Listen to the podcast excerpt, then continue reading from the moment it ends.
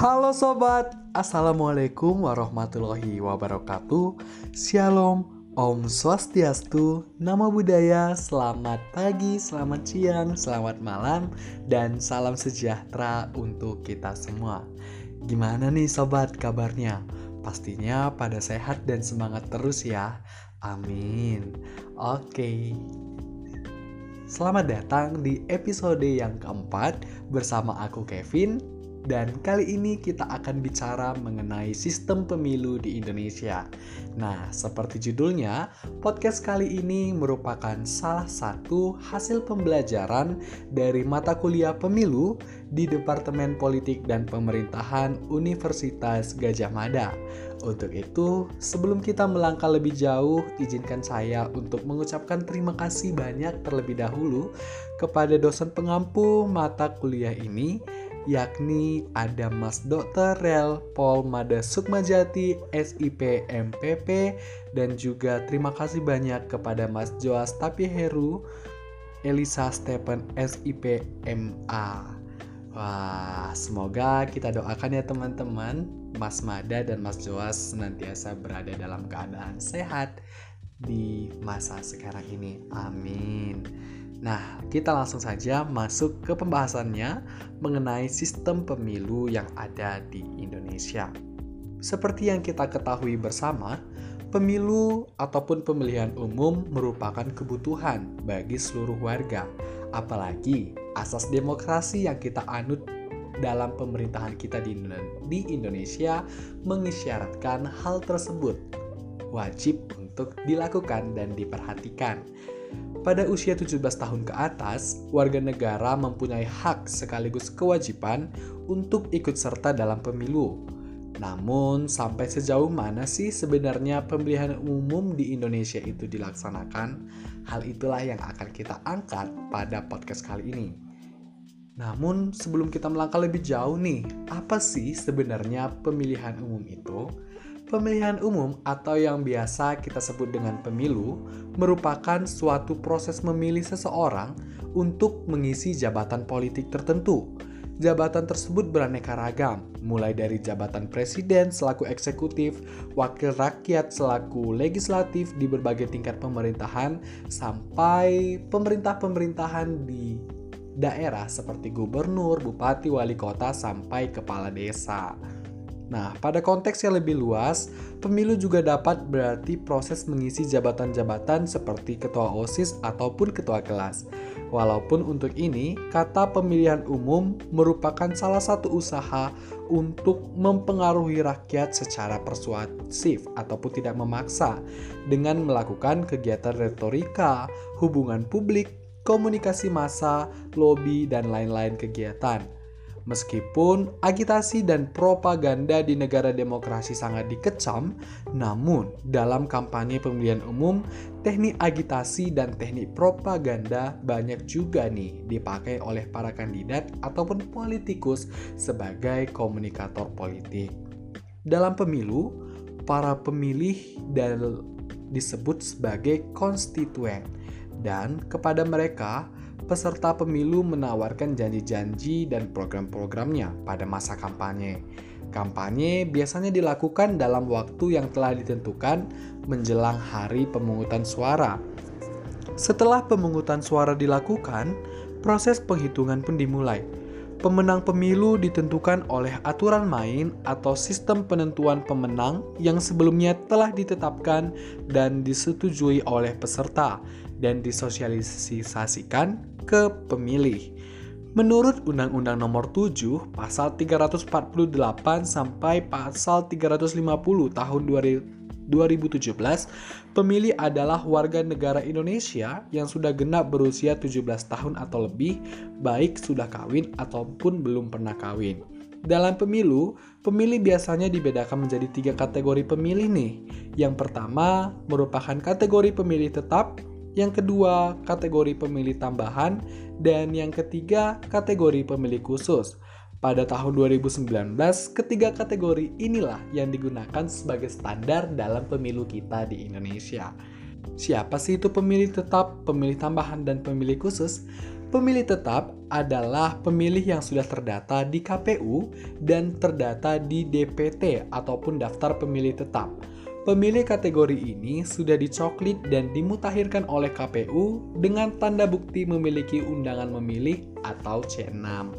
Pemilih tambahan adalah mereka yang masuk dalam kategori pemilih yang pindah memilih ke TPS lain dari TPS yang sudah ditentukan sebelumnya. Menurut Undang-Undang Nomor 7 Pasal 210 Tahun 2017, pemilih tambahan wajib melapor paling lambat 30 hari sebelum pemungutan. Pada saat pemungutan suara, pemilih tambahan membawa surat pindah ataupun A5, KTP, dan surat identitas lain seperti KK, paspor, dan juga SIM. Sedangkan pemilih khusus adalah kategori pemilih yang tidak terdaftar di DPT ataupun daftar pemilih tetap dan juga di, di dalam DPTB atau daftar pemilih tambahan. Pemilih khusus dapat ikut memilih dengan membawa KTP atau identitas lain ke TPS. Kelompok penyelenggara pemungutan suara KPPS akan memberikan hak suara dengan pertimbangan ketersediaan suara di TPS pada biasanya.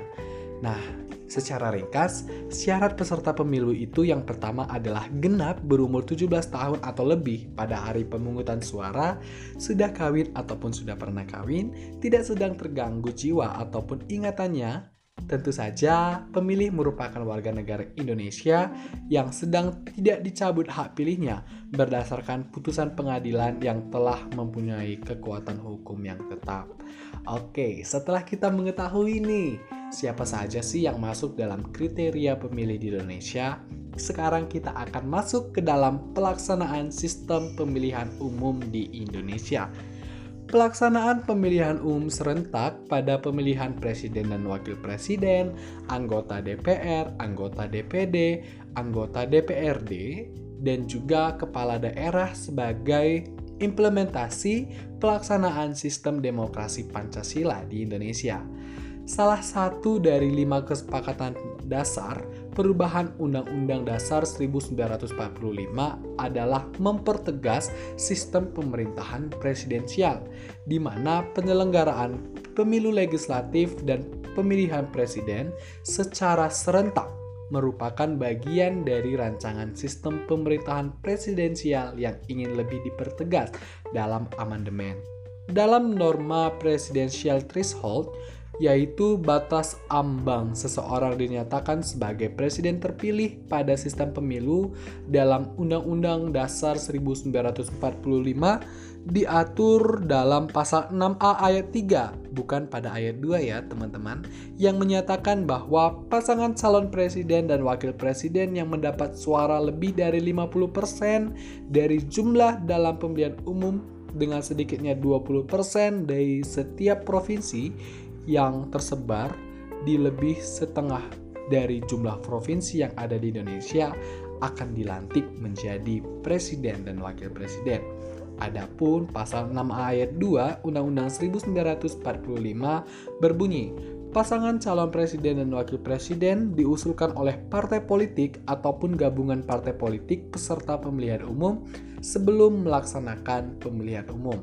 Pasal ini menegaskan bahwa kriteria politik ataupun partai politik ataupun koalisi gabungan partai politik yang berhak mengusulkan pasangan calon presiden dan wakil presiden adalah mereka partai politik yang dinyatakan sah sebagai peserta pada pemilihan umum tanpa embel-embel persyaratan ambang batas lainnya.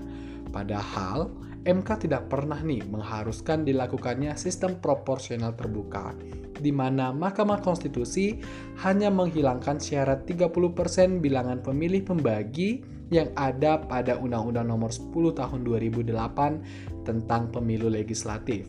Dalam pasal 214 menyebutkan bahwa anggota DPR terpilih ditetapkan berdasarkan urutan suara terbanyak di antara calon-calon legislatif yang memperoleh suara 30% atau lebih dari BPP Syarat 30% itu dibatalkan oleh MK karena dianggap tidak adil dan menimbulkan ketidakpastian bagi para pemilih.